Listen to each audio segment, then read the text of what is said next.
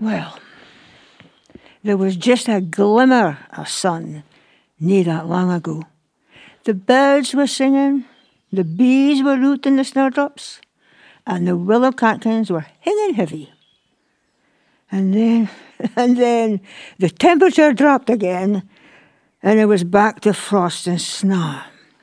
A slister, aye. But oh, but the licht is changing. And if it ever happens, the licht changes and the buds appear. I'm Frida Morrison, and this is Scots Radio. Welcome. And here I am, out in my four parks again, and it, it just doesn't matter if you have a small garden or a big farm. There's always jobs that have to be done according to the season. There is a time for every purpose. For me, it was cutting down and cutting up trees. We experienced help, I have to add. I'm not going to challenge myself with a chainsaw. Most of the birch trees I planted as wee saplings many years ago.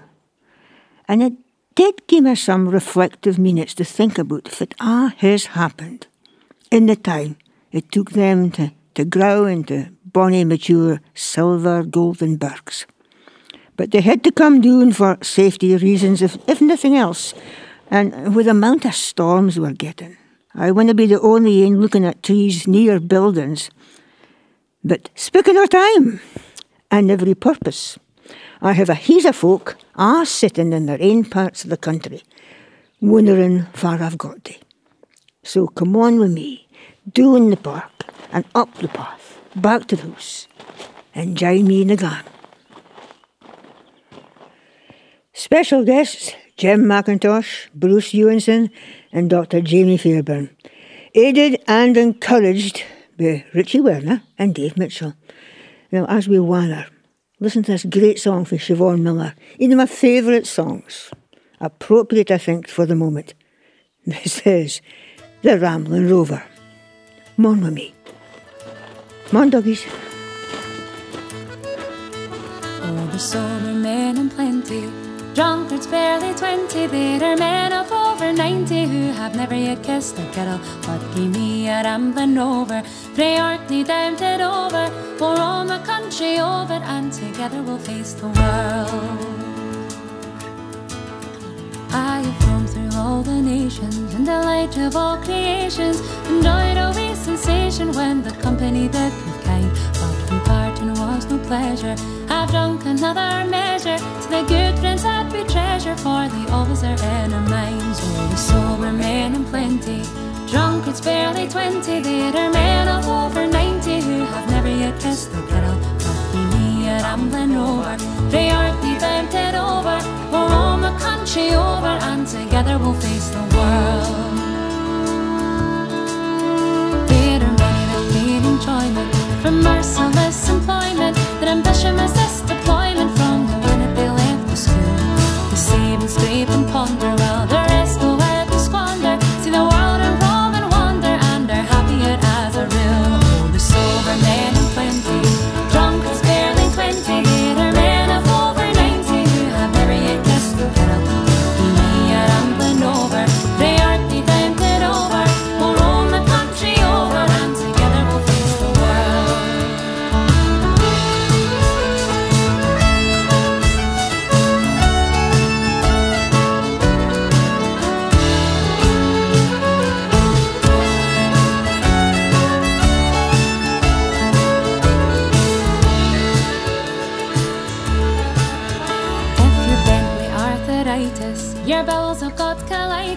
you've galloping bronchitis, and you're thinking it's time you died.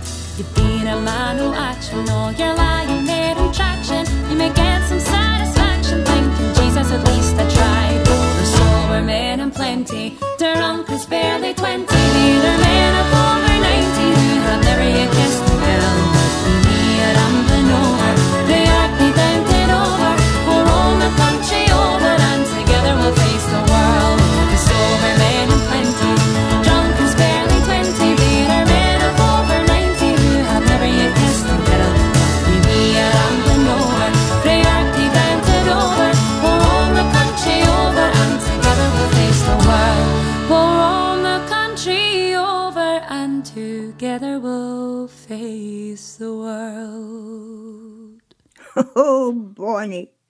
Siobhan Miller with a Ramblin' Rover fair album Strata.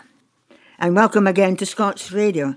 I'm joined by the money that steers us through the wiggly waves. Come in, Mr. Richard Werner. Aye, well, I'm doing my very best, but it's a bit choppy this morning.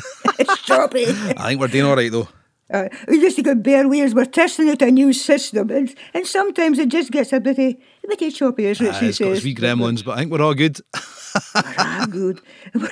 We've got elastic bandies, elastic bandies That's and it. string That's it. joined together. Okay.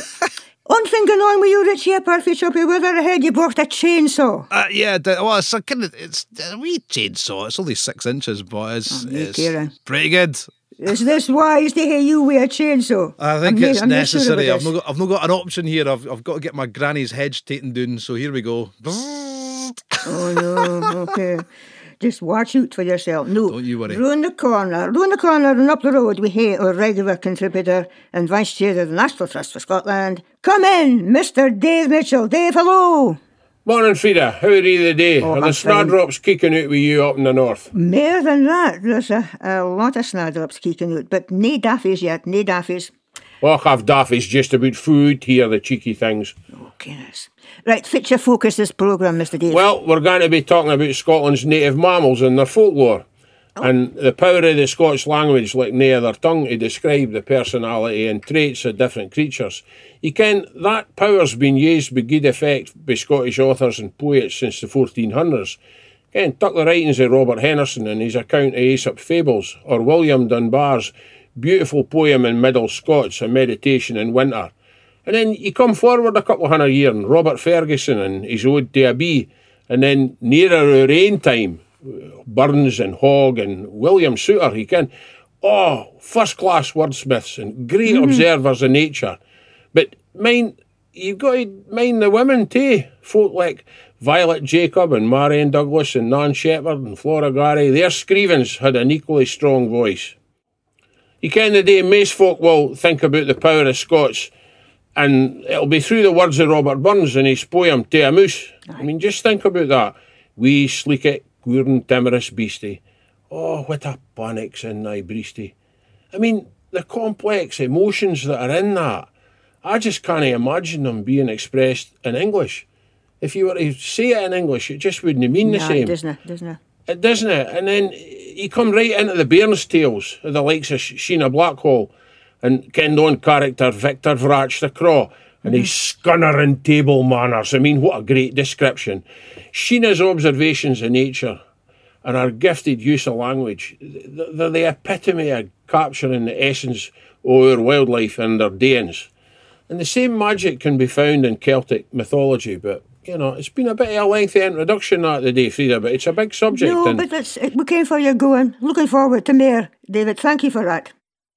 No, just about exactly a year ago, I was up at Banff Academy speaking to principal teacher at the Faculty of Humanities, Dr. Jamie Fairbairn, about a new plan to develop a programme for teachers to teach Scots.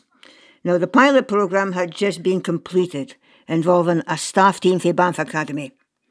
And now, that pilot programme has led to an open university course, recently launched in Edinburgh by Education Secretary Jenny Gilruth. Now, the course has already attracted 120 teachers to sign up to this new plan. Now, that will embed the Scots language into the classroom. To tell us more, I'm delighted to be joined by Dr. Fairbairn, an Education Officer for Scots, Education Scotland, Bruce Eunson. Welcome, folks. Can you hear me? Good luck, Frida. How you doing? All right, Bruce, are you there? I'm here. Oh, wonders will never cease. We're going through the wiggly waves. It's quite choppy, but I'm glad you've joined us. Okay, I'll put the first question to, to both of you. First, Jamie. Jamie, put it in a nutshell. Fit is the significance of this new course. Well, it's, it's awfully exciting, is it? It's the first time, really, that teachers have been given the opportunity to study being a Scots dominie. I mean, I'm, I can now say that I'm a Scots teacher. I'm a geography teacher, but sometimes I put the Scots teacher first, you can. Aye. I'm proud to be a Scots teacher. Um, I think really the nub of it is the fact that this new course, it's the status of it. It's government backed, it's got the Open University Education Scotland, It's got that professional recognition for teachers from the General Teaching Council, you can. So teachers are our Scotland DNA, and and it really has the potential to have a big muckle impact, I think, on bairns across the land. It's a practice-based course. Mm-hmm. So the bairns will be doing Scott's lessons all the way through it from other teachers that are doing the course. And of course, these teachers are speaking to folk in the staff rooms and they're trying to get a collaborative wee group in their own schools. So hopefully the seeds have been sown that will spread throughout Scotland. I mean, it already is the way across Scotland with these 120 teachers. But I think it respects and validates these bairns with their tongue, and as well as that, um, the, the bairns that weren't at ken more about it, not necessarily the native speakers as well. So it includes that. So the course, really, I think the power of it is that it's inclusive education. You can, it's, it's kind of a template for multilingual classrooms. Bruce, what about you? What's the significance for you? Well, I think that uh, one of the reasons the course is going to be influential in Scottish education is that it's the first course of this kind ever. Prior generations of teachers have never been encouraged to use Scots before. Uh, a lot of teachers did their training and were told, no, then a speak like you're in your classrooms. But there's been a sea change and there's been a change across Scottish culture about how we value and want to use the Scots language. So this course is about giving teachers a safe space to learn about Scots language and culture and then put it into practice. It's a very hands-on course where the aim of every unit that we take the teachers through is for them to deliver a lesson, whether or not they're doing a four or they're doing their first ever one. Uh, we give a safe space for teachers and give them all the encouragement and resources they need so that they can use Scots in the classroom for the educational benefit of the bairns. Aye. Now, Bruce again, let's clarify things for them that doesn't ken. Is this course open to any teacher in Scotland, both primary and secondary? It absolutely is. Whether you're a nursery teacher uh, and you're thinking about singing bairn songs with them, or you're up through any age or stage of the broad general education through the primary school and into secondary uh, schools and up into what's called the senior phase where the bairns take their exams and get their qualifications. We have teachers for all over the country teaching at all different levels and they're all coming together with that one detail of promoting Scots language and culture. Jamie, 120 teachers signed up. Did you expect such a great reaction? No, we were, we were expecting about 25 now, as, as, a, as a tutor on the course, I'm, I'm, I've got 25 myself. So it's uh, 120 was just beyond expectations. Absolutely fantastic. I think it just shows that it's been bubbling away out there. and I think the folk are just needing the permission to ging for it. You can. Aye. It is a, a good way of putting it, just ging for it. Bruce, you've been half involved in launching this course. Who's it set out for them to doesn't ken? Is it in modules? Yes, well, we call them um, units, and there's seven units, and you start at the beginning with a very easy intro about learning about Scots and looking at your own school, what might be happening, what the thoughts of the bairns are, the other members of staff, what the parents have to say, and then you get delving into all sorts of different areas, whether it's creative writing, whether it's translation, whether it's comparing Scots to other uh, languages. There's all kinds of ways that we approach the use of Scots in schools because no every teacher does it the same. Some teachers want to do lessons where it's a focus on literacy. Some teachers want to have more focus on learning the language itself, with the key emphasis that Education Scotland and Open University put on the creation of lessons is that the teacher kens what's best for their class. So they create lessons that they think suit their bairns, whatever age, whatever dialect they might speak, and they take the lead for there. I'll come back to that in a minute. Jamie, full long does it last? Well, it goes on for about a year. So it's a, it's a fairly, you know, it's a decent amount of time, and it is at master's level, a lot of it. So it's a it's a real challenge. We're not blate, you know. We're hoping to set the standard for Scots learning and teaching. So aye, about a year and then you get your certificate from the GTCS. Now then, we mentioned the, the different dialects, different languages in different areas. There's been some concern about four regional languages will be involved in the course. Will it be up to the teacher or is there going to be a standardisation introduced? Bruce, you first, Nassim. No, there's uh, we discuss standardisation because that's uh, obviously an important part of any discussion of language use in education. But no, we are not prescriptive like that. Our approach is that the teacher finds best what's best for their classroom and their parents and their uh, subject area, and they embrace the local dialect as much as they think is appropriate. Uh, Bruce, again, what do you hope will come out of this development, looking further down the line? On a practical level, the first thing that I miss of for the course operating is that out this 120 teachers, as I say, every unit is about writing and then delivering a lesson exploring Scots.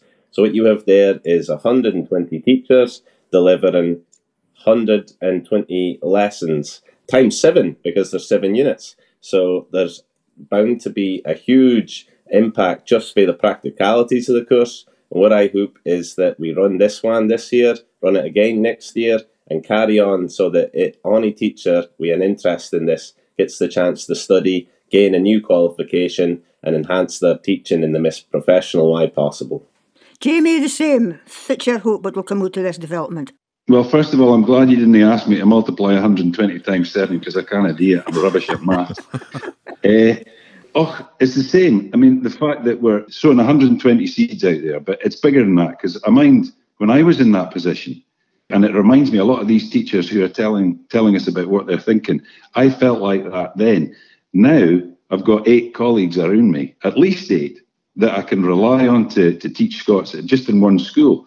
So if that happens in other schools, then it'll be 120 times seven times something else, some times eight. And didn't ask me to do that either. I've lost that, lost that in as well. So just hoping it'll have that impact on the bairns, you know, and that they get that validation right across Scotland.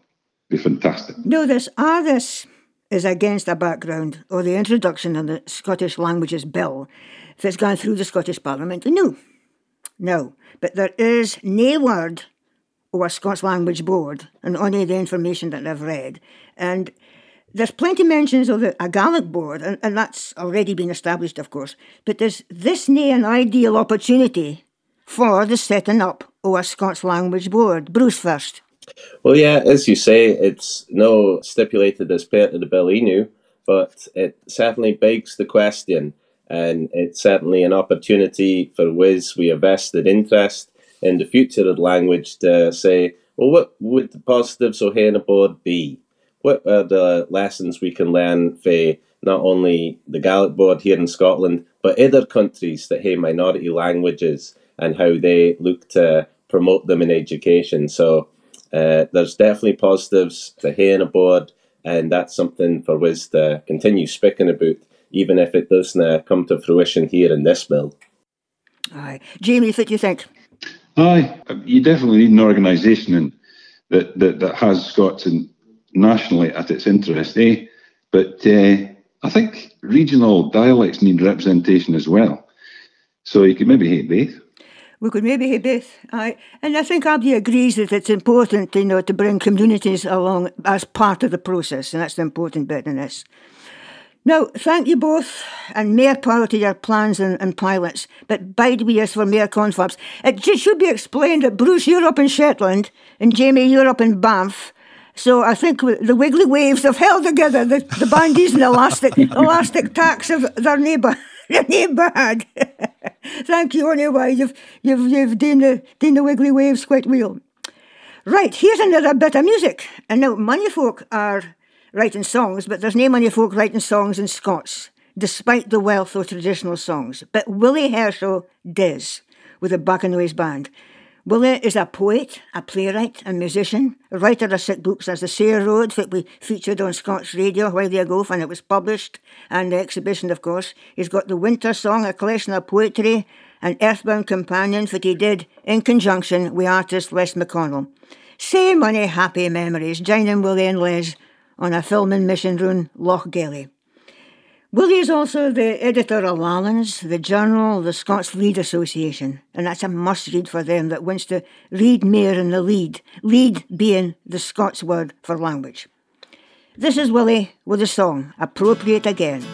This is The Wind and the Rain. When I was but a wee small boy, where can a lake in the wind and the rain, tearing like daft was all my joy. Och, hap me wheel for the wind and the rain. A full ground man into the fold. Where can a lake in the wind and the rain? Gensner de wils ei the door. O keep me snod for the wind and the rain Sein mist ei cam te tak a wife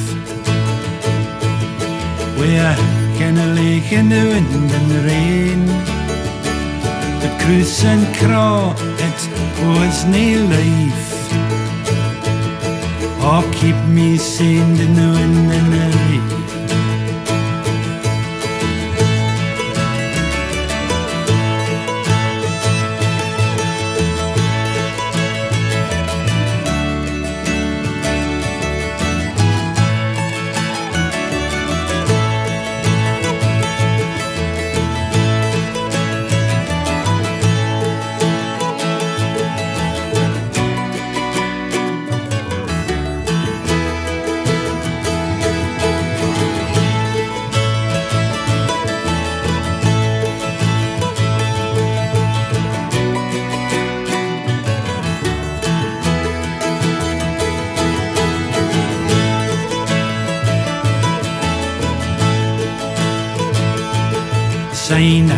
I on a drunken tear.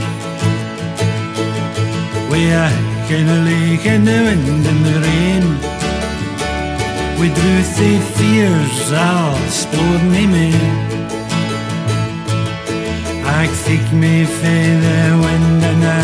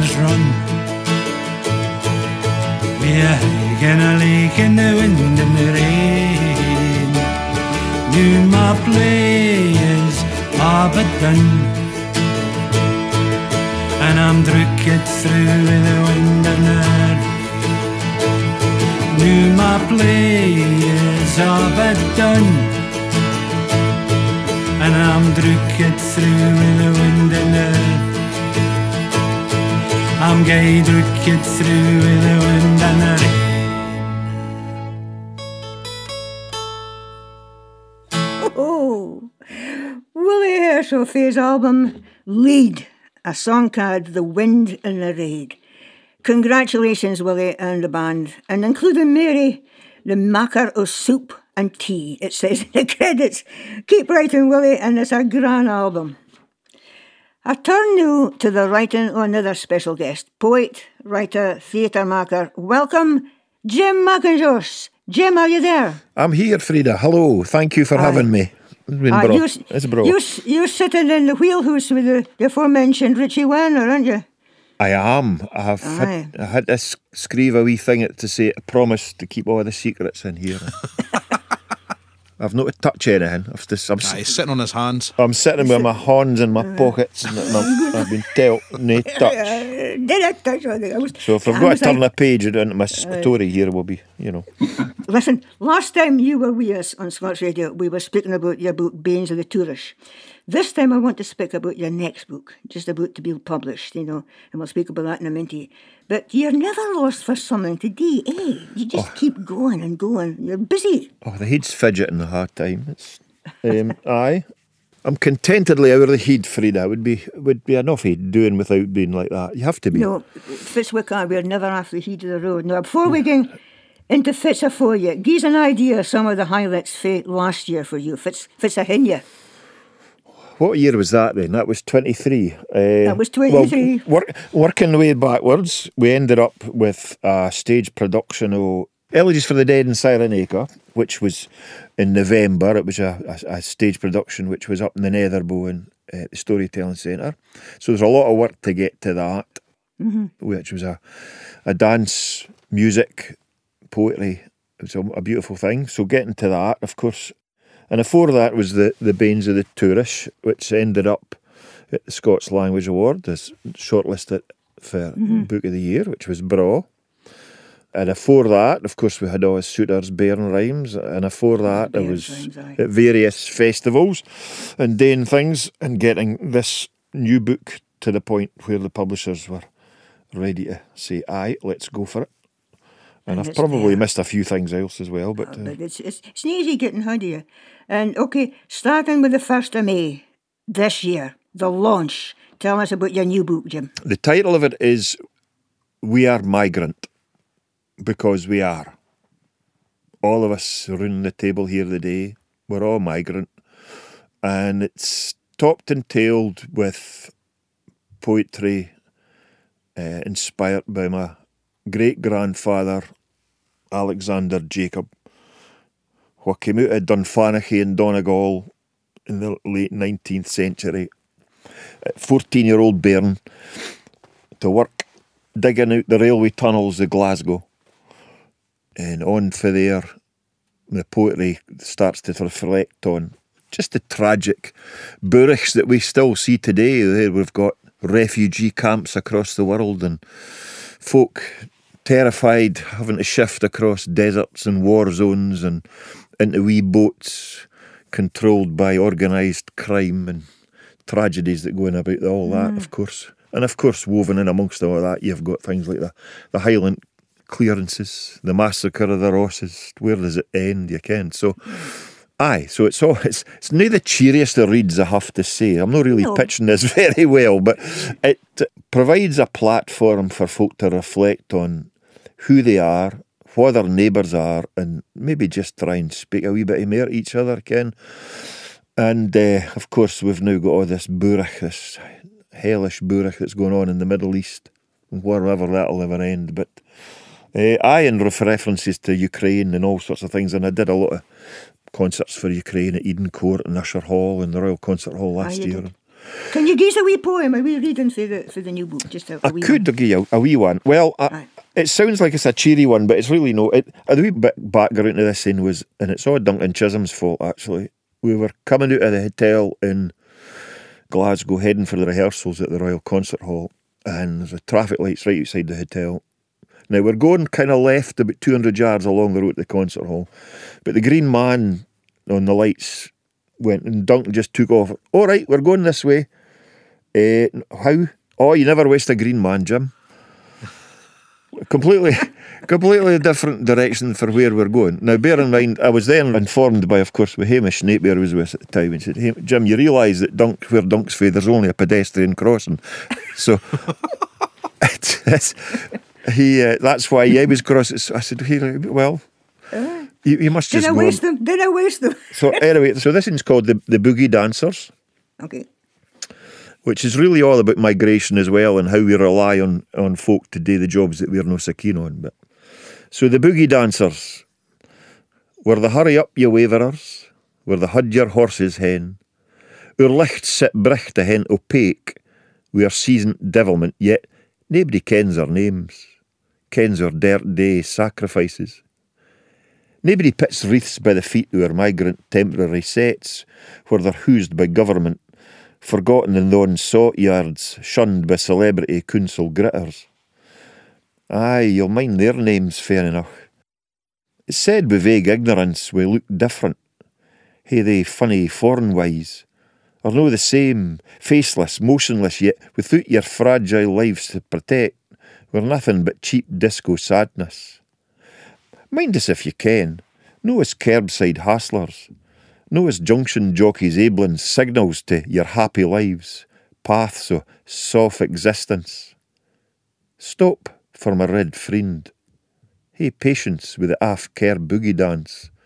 And aye, just mind, ne'er west o' green money. Cracking, cracking stuff, Jim. Now, uh, the launch, Faraboots and Fan. Well, start on a bit of a tour. Since we last spoke, I was um, I've been asked to be the writer, poet in residence for a thing called the Pomegranate Festival, which is at the end of April up in the Storytelling Centre in Edinburgh.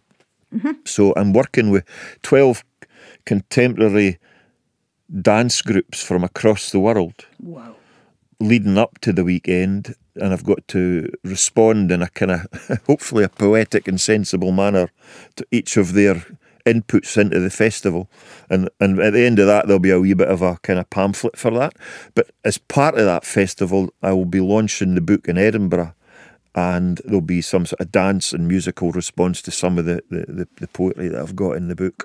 And that's on the on the Monday night of the 29th of April in the Netherbow.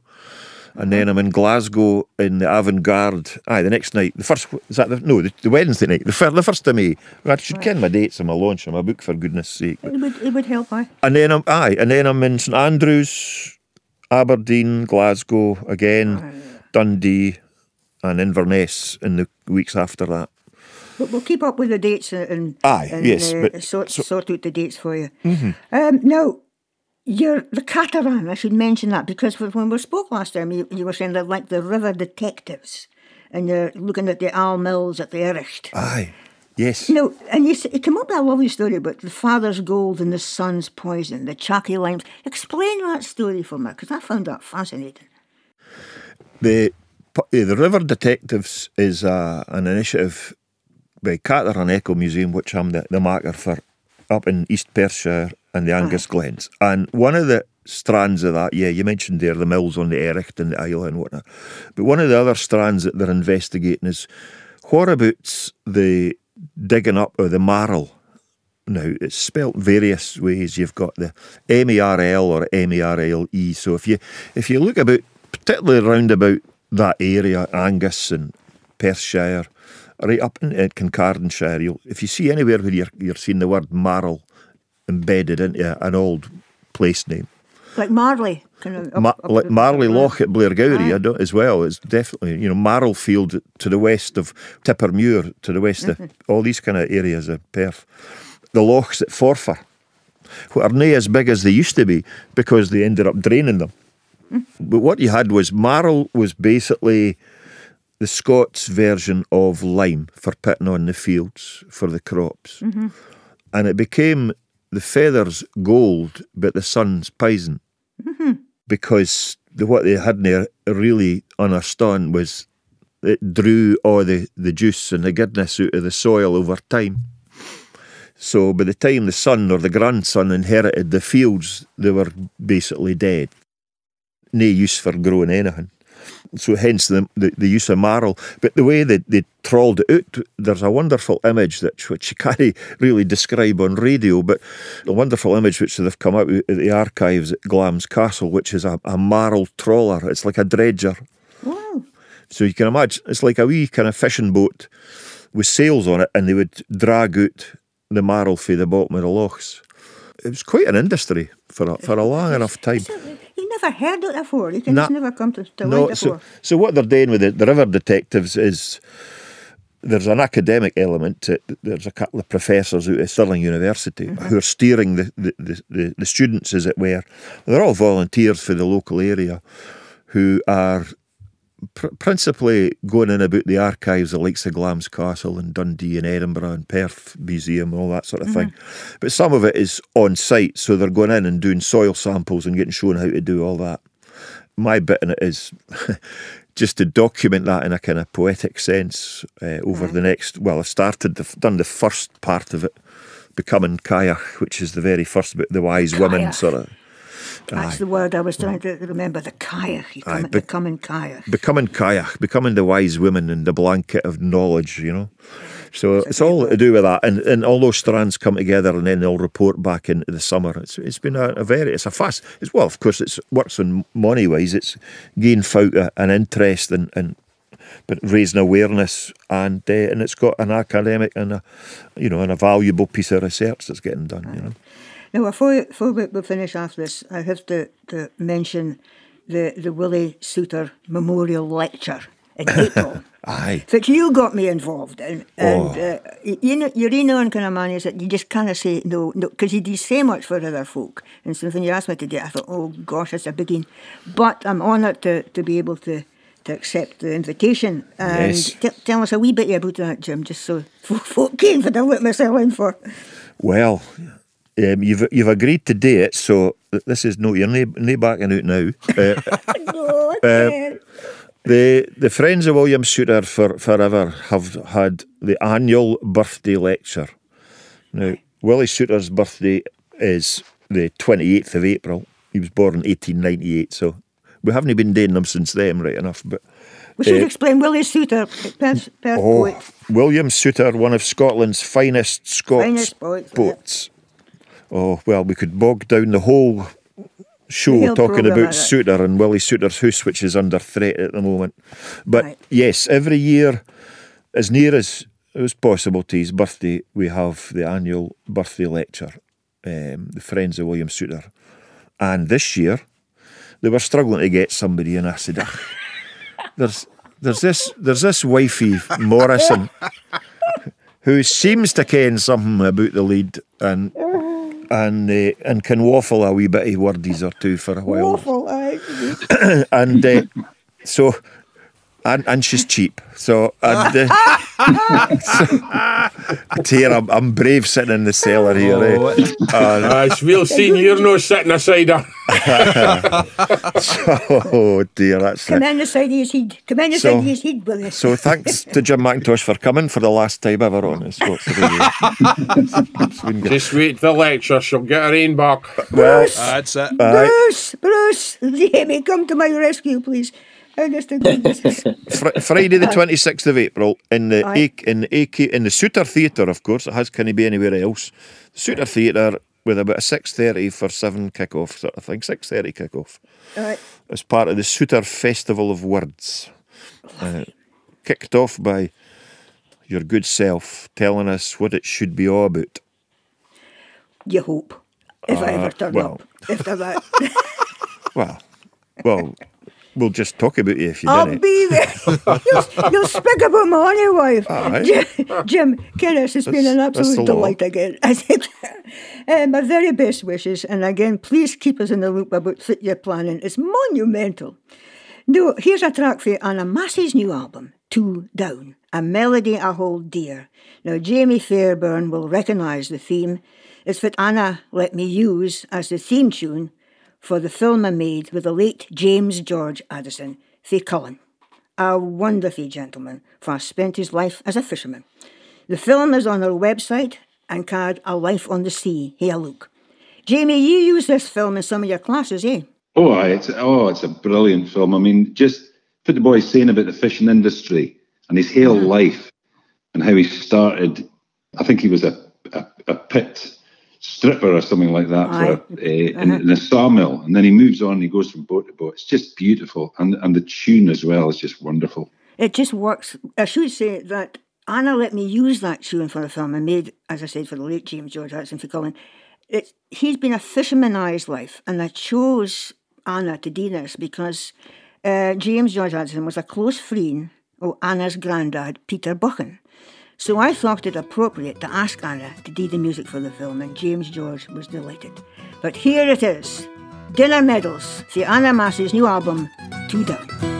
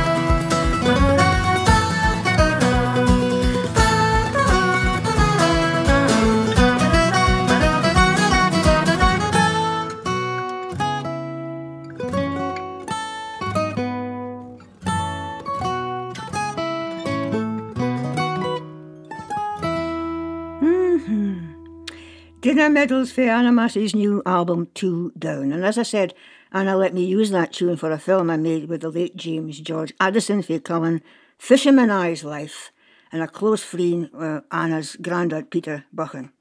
So I thought it appropriate to ask Anna. Now, as I mentioned there, Jamie Fairbairn uses the film in his class. How do you use that film, Jamie, just for, for interest? Aye, well, it's, it's I a hit with the Bairns. It doesn't matter what year the Bairns are from, if they're juniors, seniors. When I show them that film, the, the eye listened really carefully. And we use it as a kind of, uh, to, to speak about the fishing industry generally.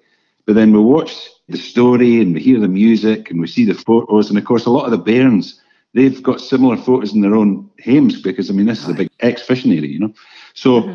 uh, what I did was muck up a few questions about it to get them to really think about his life and then we start a discussion about the rain, and they've often got stories from marine families. So it's absolutely fantastic. It's part of that thing about local area culture. We tie it in with weather, with all sorts of things. Brilliant. Mm-hmm. Digging for you, Stan. And that film's on the Scots Radio website, A Life on the Sea. And uh, Bruce, can you hear me still up in, in, in Shetland there? I certainly can. Just think of the amount of films that are made that folk could be using in the new course, etc., that would help in the classroom, and the films that could be made to help the bairns in the classrooms in the new course. It's it's all there, isn't it? Well, the thing is, Scots is obviously a spoken language, and uh, it doesn't need to be about uh, writing it down or reading it in a book. Sometimes it's about using the bairns' own voices. Some of them are terrific performers if they're no, it could be shots of scenery with them narrating it in their own unique voice. So yeah, use of film in the classroom is we're in a golden age uh, Scots language films, I think, in its use in education. It's fantastic. Aye, I think I think we're just hitting it at the right time. Thanks, folks. David Mitchell, you've been awful quiet this this I've been behaving myself because the waves have been a wee bit, uh, let's just say, rough, blowing, you know. Rough the wind, aye. They've been blowing, so I thought I'd better keep a calm south. Aye, good for you, good for you, though. right, now you're going to talk us into the realms of mystery and magic again. He does that on a regular basis every day. It is true. But on this occasion, he entreats us to enjoy the legends and the wisdom of the elders. And this time, about the folklore and the mythology behind the Scotland's mammals. And that got me thinking to ask him, David Mitchell, fit mammal, do you think is the most infamous in our folklore? Oh, Frieda, that would have to be the fox or Todd. He can't skent for raiding hen houses and scravagging about the countryside like a blackguard. But just wait a minute, eh? Todd's a survivor. Handy, wise, cunning, some would say he's the very essence of that Scots word sleekit, especially when you think he's got a good bit of blaw about him, I know. Queer like, he doesn't feature heavily in Celtic mythology in Britain like he does in Europe and Scandinavia, but he is associated with weather lore. You can at one time they're barking or they're calling at night spread fear in communities because folk thought that noise was the harbinger of death like a banshee.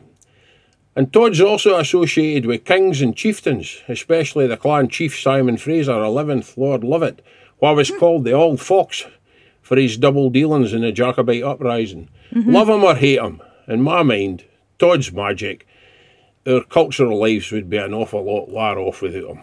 All right, now we're moving on. Here's another good question. Fitting, do you reckon, is the most respected? Oh, that's hard, Frieda. Ken. I would say the deer, especially the red deer and the stags, roaring and rank and foretsome, a symbol of power. They are without doubt the monarch of the glen, just as wonderfully depicted in Landseer's painting. But do you ken that the red deer were once called fairy cattle? and they were supposed to be milked by the fairy host on the mountain tops. And in Celtic mythology, both the red deer and the roe deer are celebrated for their associations with woodland deities. They were the lords of the forest, the symbols of swiftness and strength and nobility, wildness and fertility. These ancient Celtic myths are also deeply rooted in Greek and Roman mythology.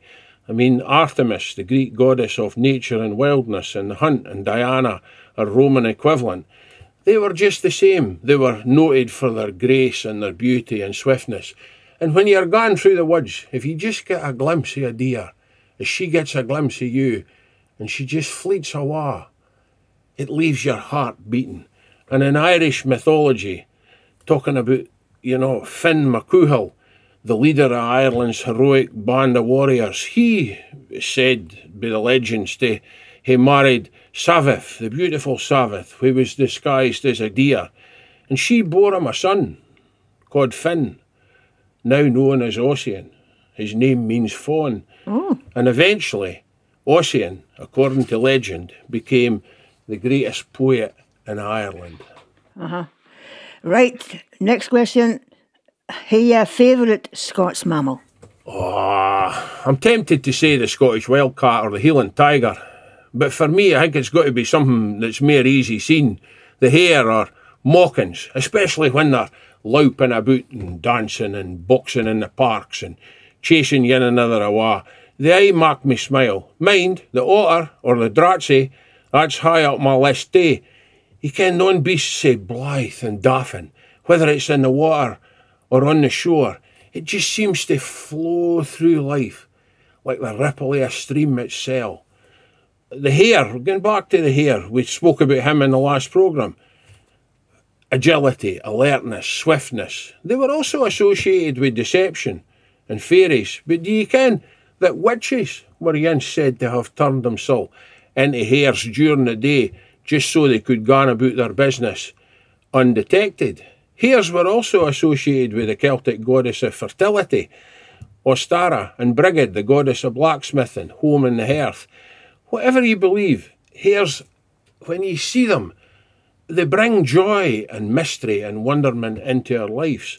And you know, if you think about the otter, there's a fantastic Scotch tale about the otter kings that were accompanied by seven black otters. And if one of them was captured, it had the power to grant a wish in exchange for its freedom. And in Welsh mythology, Ceridwen, the goddess of change and rebirth, a powerful sorceress, she transformed herself into an otter to sort out young Gwynn, who, much to her annoyance, had acquired the knowledge of all things after he accidentally tasted the brew in her cauldron. To avoid her, Gwynn became a hare, and she pursued him as a hound, and oh, Alchie thought, I'll just be a bit bright, and I'll change myself into a fish. And he did, and he dived in the river, and Kieran says, Aha, dinna be so clever, my lad, I'll turn myself into an otter. And so the tale goes on. It's a beautiful tale. He gets caught in the end and he gets away. But you know, in most stories, the otter's seen as a friendly creature, the water dog. St. Cuthbert, the patron saint of authors, he said to hae twa that regularly come and warmed his feet with their breath and their fur after his nightly vigils, praying up to his waist deep in the sea. Imagine that coming out of the water and twa beasts like that coming and just lying on your feet and warming them and breathing on them. Where did that legend come from? No, you can't. love you, you're saying this, Dave, before I go into your, your, your words of wisdom, which we'll look forward to on the, all your pieces. But I'm going to turn to uh, our guests again, uh, Bruce and Jamie and Jim. Just look at the amount of wonderful material we've got in our Scots heritage and mythology and legend that I never heard about when I was at school. And look at the opportunity. Bruce, there's opportunities our way, isn't there?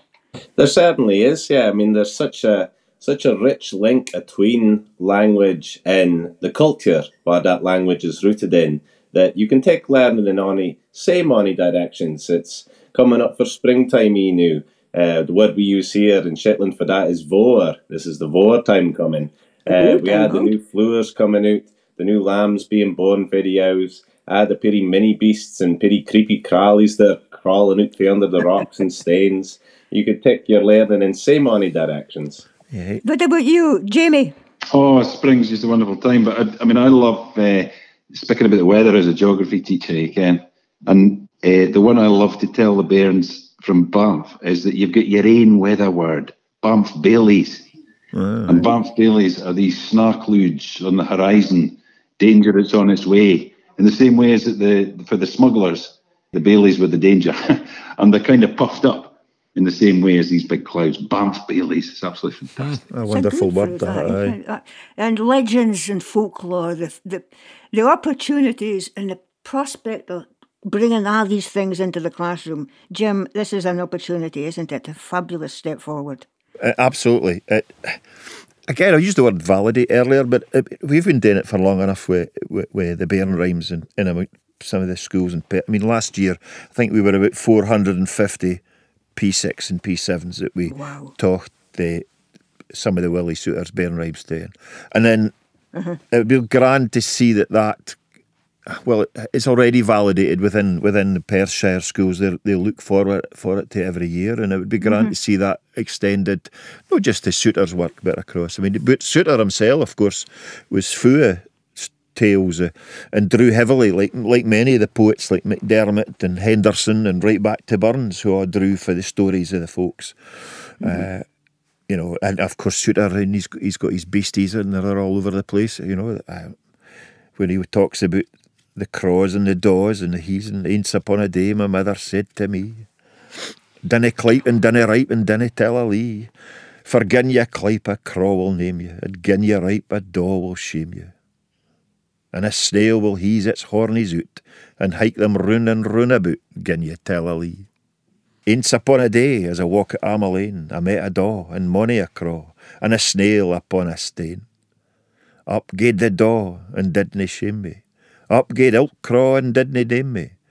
But the wee snail heased his hornies out, and hiked them roon and roon about, and goggled at me. And that's that's one of the ones that we, we teach the, the, the bairns every autumn. Uh, and, it's, and my grandson, who's aged two and a half, has got the first two lines down pat already. Oh, fabulous. He's that's him. He's doomed. Doomed, doomed, doomed. Listen, Dave, I'm going to come back to you. Final thoughts or words of wisdom? Well, I think it ties in with the whole programme in general. You know, using Scots in schools, as far as I'm concerned, you know, the best gift that it does is it stops bairns from being embarrassed. And if the gateway to get them to do that is poems in nature with Scots words in it, then it also teaches them to observe nature. I mean, we could go on here this morning and talk about all sorts of things hedgehogs or hutchins, broch the badger, the wild boar or turich. Reed squirrels were yen skent as the reed ferret. We could talk about salmon, trout, toads, newts, adders, bees, butterflies, moths, speeders. There's tales about them all. And wait a minute, all these things today, they're all facing threats for habitat loss, pollution, climate change, human meddling in their ways. These are all things that young bairns are concerned about.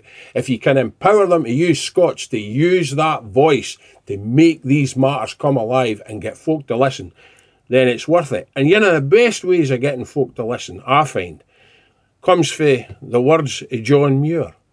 And funnily enough, although he was born in East Lothian, and he had a good Scotch tongue in his head when he left, when he went to America, after his time there, he very rarely wrote in Scots.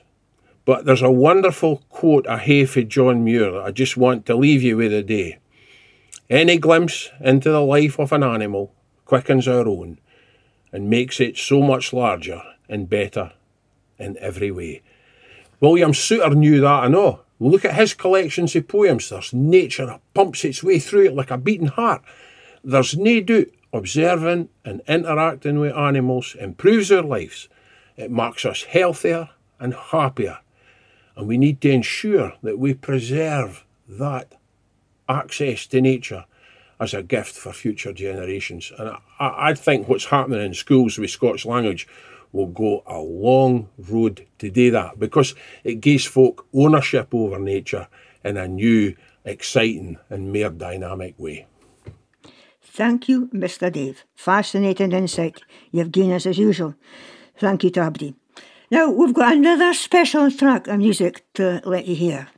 This is for a new album for folk legend Rod Paterson and features songs for renowned singer Kirsten Easdale.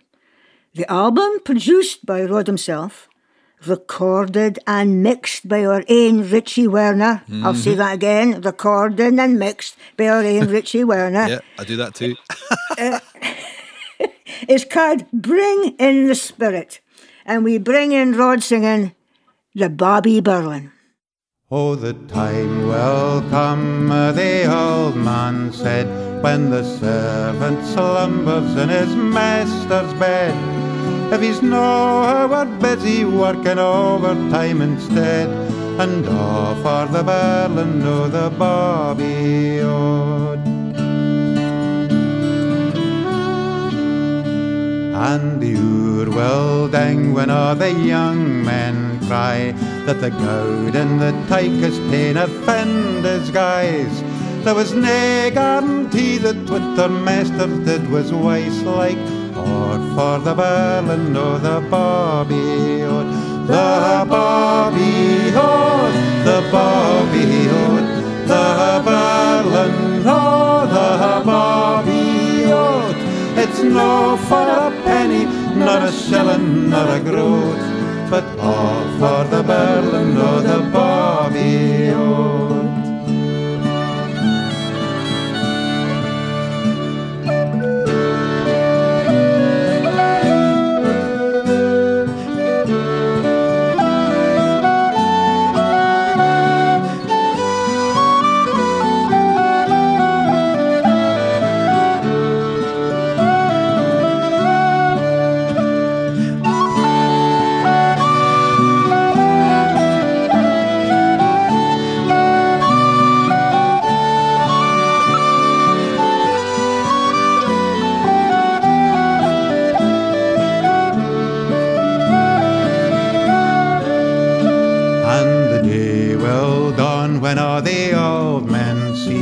That the and form on a apple tree.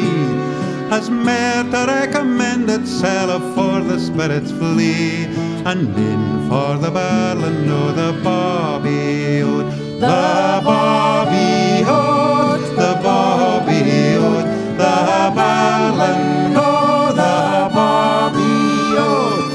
It's no for a penny, not a shilling, not a groat, but all for the Berlin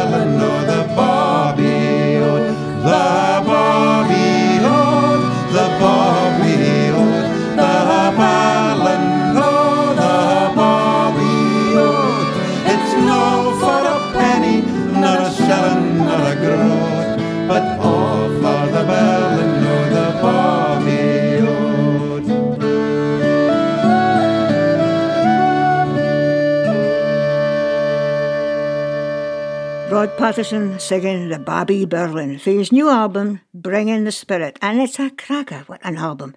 Gings recht to the heart. Now, Richie, can I just Aye. hear we wee blether with you? Uh-huh. Song written, song written, we've just nae long found out, a song written by himself and That's. Michael Marra. Ah, it's a co-write. Aye, Rod Paterson and Michael Marra. And I just found that out recently. There's me thinking it was an old song, like a Burns song or something, but no. Meaty It's enough. Rod and Michael. There you go.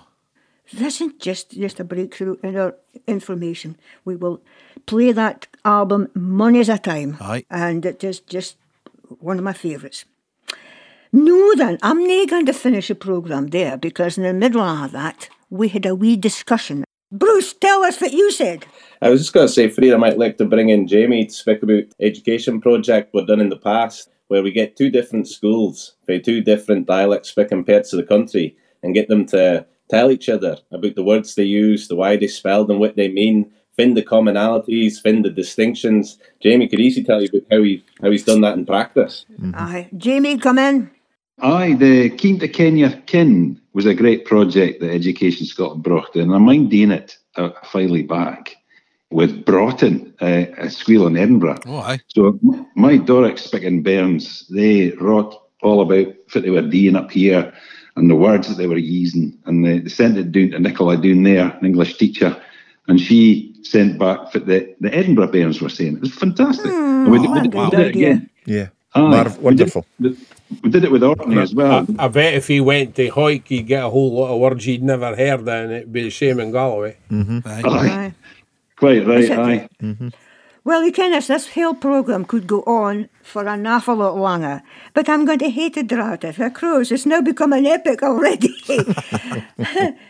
What a, a fabulous time. Regardless of the challenges technically, and our soon sorter will give the, the, the medal, the prize for for bravery and uh, Oh, that's half a kind.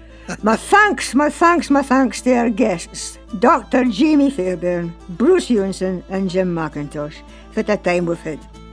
And we finished with a track for sister and brother duo, another new one, another new one. They're called Blinky Blue, Rihanna and Jared Muir with guest drummer Stephen Stark. This is for their new EP, and it is good again. This is a title track. This is Ark. For Richie Werner, Dave Mitchell and myself, Frieda Morrison. Keep warm and keep bonny by the new.